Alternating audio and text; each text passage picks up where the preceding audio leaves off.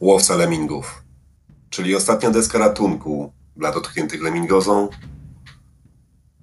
albo stymulujący relaks dla ludzi zdrowych.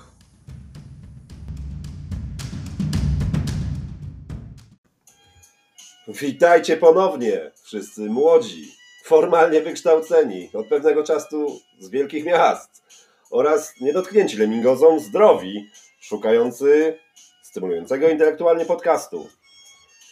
Łowca Lemingów odbywa dziesiąty dzień kwarantanny. Pozdrawia jednocześnie panów policjantów. Jeszcze nigdy nie miałem tyle kontaktu ze stróżami prawa. A dzisiejszy odcinek będzie quasi-ekonomiczny.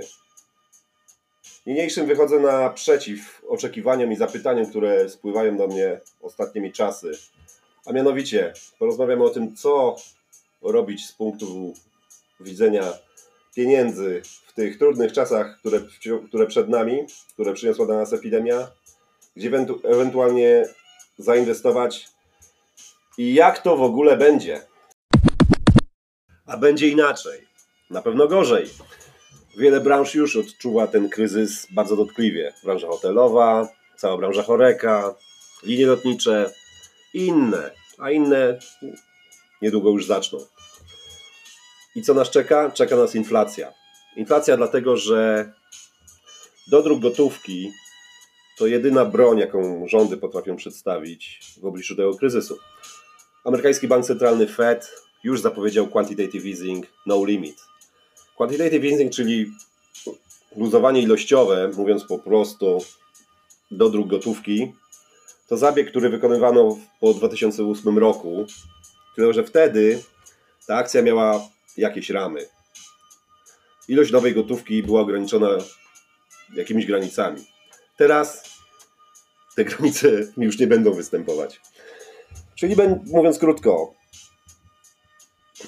amerykański bank centralny będzie kreował tyle dolara z powietrza, ile będzie potrzeba, żeby zbić oprocentowanie amerykańskich obligacji do takiego poziomu, który umożliwi dalsze rolowanie gigantycznego amerykańskiego długu oraz dalsze zadłużanie się amerykańskiego rządu. Co zrobi w tej sytuacji Europejski Bank Centralny, instytucja, która kreuje euro? Pewnie zrobi to samo.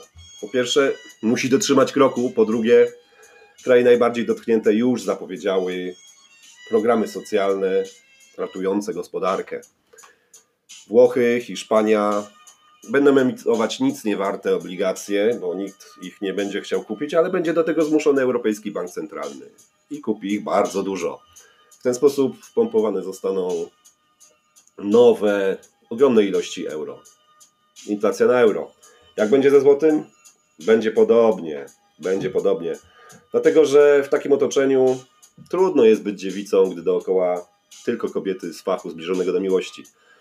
I dlatego Prezes naszego banku centralnego, czyli NBP, pan Glapiński, już zapowiedział i zapewnił nas: gotówki nam nie zabraknie. Czyli będzie dużo pieniędzy. Problem w tym, że stracą one swoją wartość poważnie.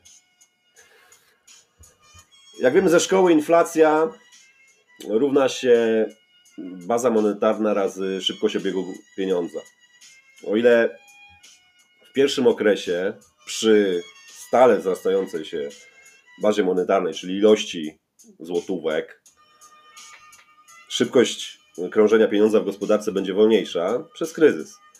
To będzie na początku, więc na początku tego to jeszcze tak nie odczujemy, ale później, gdy sprawy zaczynają się ruszać po spowolnieniu spowodowanym kryzysem, odczujemy to ze zdwojoną siłą. Dlatego w odpowiedzi na kilka próśb nagrywamy podcast, którym będę starał się omówić cztery grupy aktywów, które moim skromnym zdaniem mają szansę zyskać w rzeczywistości, z którą przyjdzie nam się zmierzyć, czyli w otoczeniu inflacyjnym. Po pierwsze, metale szlachetne. Dlaczego? Dlatego, że cały czas rozmawiamy o inflacji. A teraz spójrzmy na inflację w długim okresie, ale w bardzo długim historycznie długim. Cofnijmy się do czasów starożytnych. Antyczny Rzym, rok setny przed naszą erą. Mamy jedną uncjową złotą monetę. Co możemy na nią nabyć? Ano możemy sobie iść i za nią nabyć u krawca uszyć wspaniałą ekskluzywną togę oraz zakupić najwyższej jakości skórzane trzewiki, tudzież sandały i wyglądać na pewnym poziomie. Przesuńmy się w czasie o 21 wieków do dzisiaj i weźmy sobie tą samą złotą monetę, idźmy do kantoru, wymieńmy ją. Można za nią obecnie dostać jakieś 6800, może 7000 złotych. Za tę kwotę spokojnie nabędziecie najwyższej jakości garnitur, koszule, wszystkie dodatki i najwyższej jakości buty. Dzięki temu, dzięki temu samemu środkowi płatniczemu, będziecie ubrani na poziomie takim samym, jaki dałaby ta moneta 21 wieków temu w Rzymie. I teraz odpowiedzmy sobie, czy być może złoto jest dobrym środkiem na przechowanie swojej wartości na dłuższym okresie? No ale oczywiście, Lemingi na pewno w to nie wierzą, gdyż sam pamiętam wiele, wiele artykułów w ulubionej gazecie Lemingów, czyli Gazecie Wyborczej, która pogardą pisała o tym, że złoto to przecież jakiś barbarzyński relikt przeszłości i po co go w ogóle mieć? Po co? A być może po to. Spójrzmy na kurs uncji złota przez ostatni rok. Od marca 2019 do chwili obecnej, czyli marca 2020. Aż tak, aż tak w górę. Z 5000 zł do 6600, czyli dokładnie plus 32% w ciągu jednego roku kalendarzowego. W takiej sytuacji wiele osób może po prostu pomyśleć, że na złoto już jest za późno. No ale cóż, zostaje jeszcze srebro. A jeśli chodzi o srebro, najważniejszym wskaźnikiem, jaki musimy zwrócić uwagę, to tak zwany gold-silver ratio, czyli stosunek ceny złota do ceny srebra, bo to on nam właściwie określa, czy srebro jest tanie, czy też drogie. I co widzimy? Na dzień dzisiejszy ten wskaźnik to około 110, czyli złoto jest 110 razy droższe niż srebro. A teraz znów popatrzmy na dłuższą perspektywę czasową 30 lat. I co widzimy? Przez te 30 lat najczęściej ten wskaźnik, który obecnie wynosi 110, wahał się między 50, 60 i 70. Ostatnio zbliżył się, a było to w roku 1990 i osiągnął jakieś 98. Czyli przez 30 lat nie było tak taniego srebra w stosunku do złota. Czy warto? Odpowiedzcie sobie sami. Po drugie, surowce. Dlaczego surowce? I co to są surowce? Dlatego, że surowce są często określane jako antydolar. To znaczy, jest między nimi odwrotna zależność. Drogi dolar, tanie surowce. Drogie surowce, tani dolar. Co się stało z dolarem ostatnio, nie muszę chyba Wam mówić. Ze względu na panikę spowodowaną przez koronawirusa, kurs wystrzelił z 3,80 na 4,30. Dolar dalej rosnąć nie będzie, bo drukuje się go na pęczki, o czym mówiłem wcześniej. Więc nieuchronny kierunek, w jakim będzie podążał to dół. Dolar będzie taniał, więc droższe będą surowce. Jak? jak? No na pewno znacznie. Jeśli nie wiecie, że ta zależność działa, no to popatrzcie chociażby na cenę litra benzyny mm, obecnie na stacjach. Jest on o wiele, wiele niższy niż było. I tak, popatrzmy na najpopularniejszy surowiec, czyli właśnie ropę naftową która obecnie kosztuje 21,5 dolara za baryłkę, a jeszcze w styczniu jej cena wynosiła 60 dolarów. No i co? Je mamy spadek dość poważny. Zobaczmy sobie na gaz. Obecnie cena jednostki to jest dolar 67. Jeszcze w listopadzie cena gazu to było 2,75. I znów spadek ceny o połowę.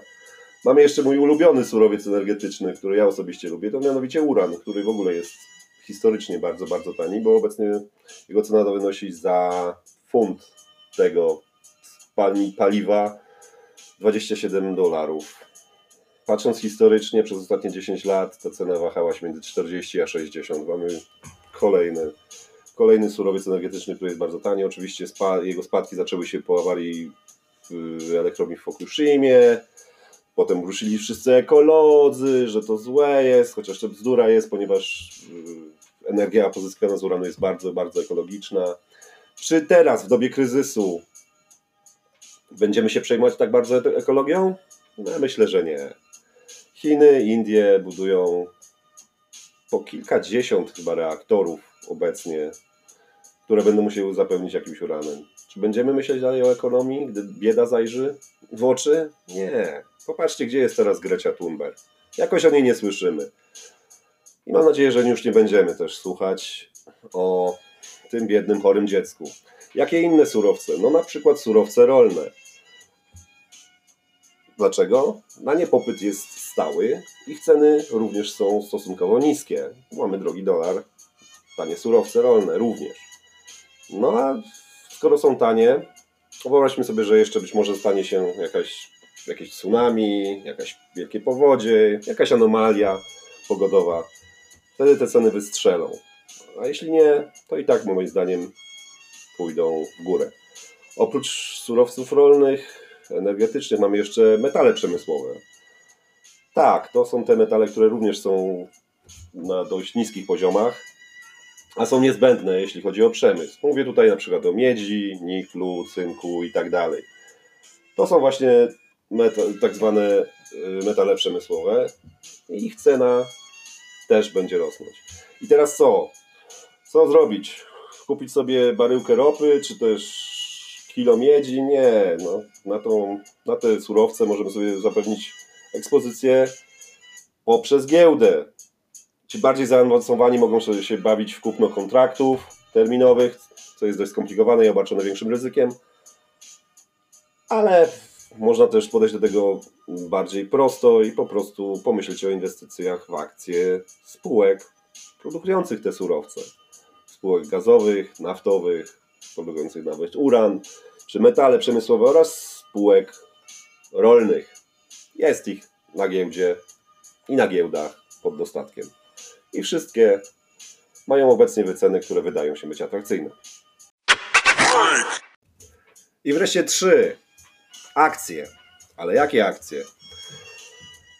Ja osobiście wybrałbym akcje rynków taniej wycenionych. Jakie to są rynki? Tak zwane emerging markets, czyli kraje rozwijające się, do których również nadal jesteśmy zaliczani. My, jako Polska, jako nasza giełda papierów wartościowych GPW z Warszawy. Wszystkie te giełdy w naszym regionie i na całym świecie zaliczyły sowite spadki. Oczywiście te spadki w naszym regionie były nieco, nieco niższe niż na przykład na Wall Street, dlatego że ich wycena spółek, na przykład z Polski, jest o wiele niższa, była też niższa przez ostatnie lata, niż spółki na giełdach amerykańskich, które, których ceny po prostu wariowały. Nie będę zagłębiał się bliżej i wskazywał jakichś konkretnych spółek, które warto by zainwestować. Obecnie cały rynek jest mocno przeceniony. Nasze, nasz region jest dobrze prze- przeceniony. Polska, Czechy, Węgry, Rumunia, Rosja, Turcja. To są kraje, którą, które mm, są obecnie tanie, jeśli chodzi o wskaźnik cena do zysku, bo na to warto patrzeć. Cena do zysku to znaczy wartość spółki wyceniona za pomocą kursu jej akcji do rocznego zysku tej spółki. W Ameryce, moim skromnym zdaniem, wydaje mi się, że ta bańka była tak napompowana, że może jeszcze spadnąć. U nas nie ma już z czego. Warszawska GPW oczywiście spadła w, jeszcze bardziej, ale patrząc na ostatnie lata, na ceny w dolarze, ona praktycznie stała w miejscu. Czy spadnie niżej? Być może. Jeśli tak, to już bardzo niedużo. Gdzie może iść? Raczej tylko w górę. Cztery. Waluty. Dlaczego waluty? Bardzo łatwo się w nie inwestuje. Po drugie, warto mieć pewną część w walutach. Najczęściej jest to dolar oczywiście i frank szwajcarski, w którym wielu z Was ma kredyty. Ale warto też popatrzeć na waluty inne. Wcześniej mówiliśmy o surowcach i o tym, że mają one historycznie niskie ceny. Te niskie ceny surowców bezpośrednio odbijają się na również historyczne niskie kursy pewnych walut. Walut krajów, których gospodarki są uzależnione od wydobywania tych surowców. I teraz spójrzmy na przykład na Norwegię, dużego producenta ropy naftowej. Korona norweska zalicza historyczne minima w stosunku do złotówki. Kosztuje ona tylko obecnie teraz 38 groszy i no jest to dziesięcioletnie minimum. Podobny, podobna sprawa. Kolejny kraj, który produkujący ropę to Rosja. Kurs rubla to jakieś 5, to jest 5 groszy, 17, także to jest kolejne minimum. Historyczne minimum. Ostatni raz ta waluta była tak tania na przełomie 2014 i 2015 roku. Wiemy, co się wtedy działo. Wtedy weszły sankcje na Rosję, a teraz ich waluta zapikowała w dół ze względu na spadek ropy. Podobna sprawa, mamy do czynienia tutaj, z, jeśli chodzi o dolara australijskiego. Australia, jak wiadomo, również jest bardzo uzależniona od surowców i kurs dolara australijskiego jest również na dziesięcioletnich minimach. 2 zł 51 groszy. Ostatnio przybliżoną cenę osiągał w 2009 roku. Tak, te waluty można spodziewać się, że doznają odbicia na fali odbicia cen surowców. Oczywiście, jak zwykle, warto też mieć mimo wszystko yy, troszeczkę jakąś część w dolarze, mimo że on będzie taniał, ale jest to aktywo, które daje po prostu dostęp do światowych giełd. Jeśli byście chcieli inwestować poza warszawską giełdą, to wszędzie indziej będziecie musieli nabyć aktywa w dolarach. A teraz już na koniec powiem jeszcze o dwóch grupach aktywów, których nie będę Wam doradzał. Ja osobiście będę trzymał się od nich z daleka. Po pierwsze, to obligacje. Obligacje przez lata były zawsze elementem portfolio inwestycyjnego, ponieważ one były odwrotnie skorelowane z akcjami. Więc stanowiły wspaniały hedge. Problem polega na, polega na tym, że w wyniku wieloletniego dodruku po kryzysie 2008 pieniędzy, dolarów i wszystkich innych walut, teraz przechodzimy na jeszcze większy dodruk i, i oprocentowania obligacji są zerowe w większości. Stany miały jeszcze niedawno 1,7%, a teraz obecnie zero niemieckie bundy tak zwane, czyli obligacje niemieckiego rządu są już wycenione negatywnie, czyli de facto inwestując w nie macie pewną stratę. Kto to kupuje? No nikt przy zdrowych zmysłach. Najczęściej kupują to po prostu banki centralne, takie jak Centralny Bank EBC albo Fed w Ameryce, albo instytucje finansowe, które czasem zbywa, bywają przymuszane do zakupu tych jakże nieciekawych aktywów pod groźbą straty licencji. Dlatego obligacji ja dotykał nie będę. A druga sprawa, którą, którą zajmował się nie będę, to nieruchomości. Nieruchomości po prostu są drogie w Polsce. I tyle. Koniec. Nic więcej nie można dodać oprócz tego, że zawsze w kryzysie spadają. Spadają oczywiście wolniej, bo to jest specyfika rynku nieruchomości. Jednakże ja nie jestem nim zainteresowany, a stopy zwrotów, jakie obecnie przychodzą, są po prostu nieatrakcyjne, a ich ceny wydają mi się wygórowane. Mam nadzieję, że w przystępny sposób udało mi się omówić cztery grupy aktywów, którymi można być zainteresowanym obecnie i dwie grupy aktywów, którymi ja na pewno nie będę się interesował. Co zrobić? No być może, jeśli dysponujecie jakimiś środkami, złożyć sobie portfolio właśnie z tych czterech aktywów po 25% z każdego i balansować je co pół albo co rok. Można też nic nie robić, trzymać nadwyżki na lokacie bankowej i dalej tracić. I można też, jak większość lemmingów, żyć od pierwszego do pierwszego i oczekiwać gratyfikacji z ZUS-u. Ten podcast dostępny już jest na Google Podcast, Spotify'u i Apple Podcast. Do usłyszenia.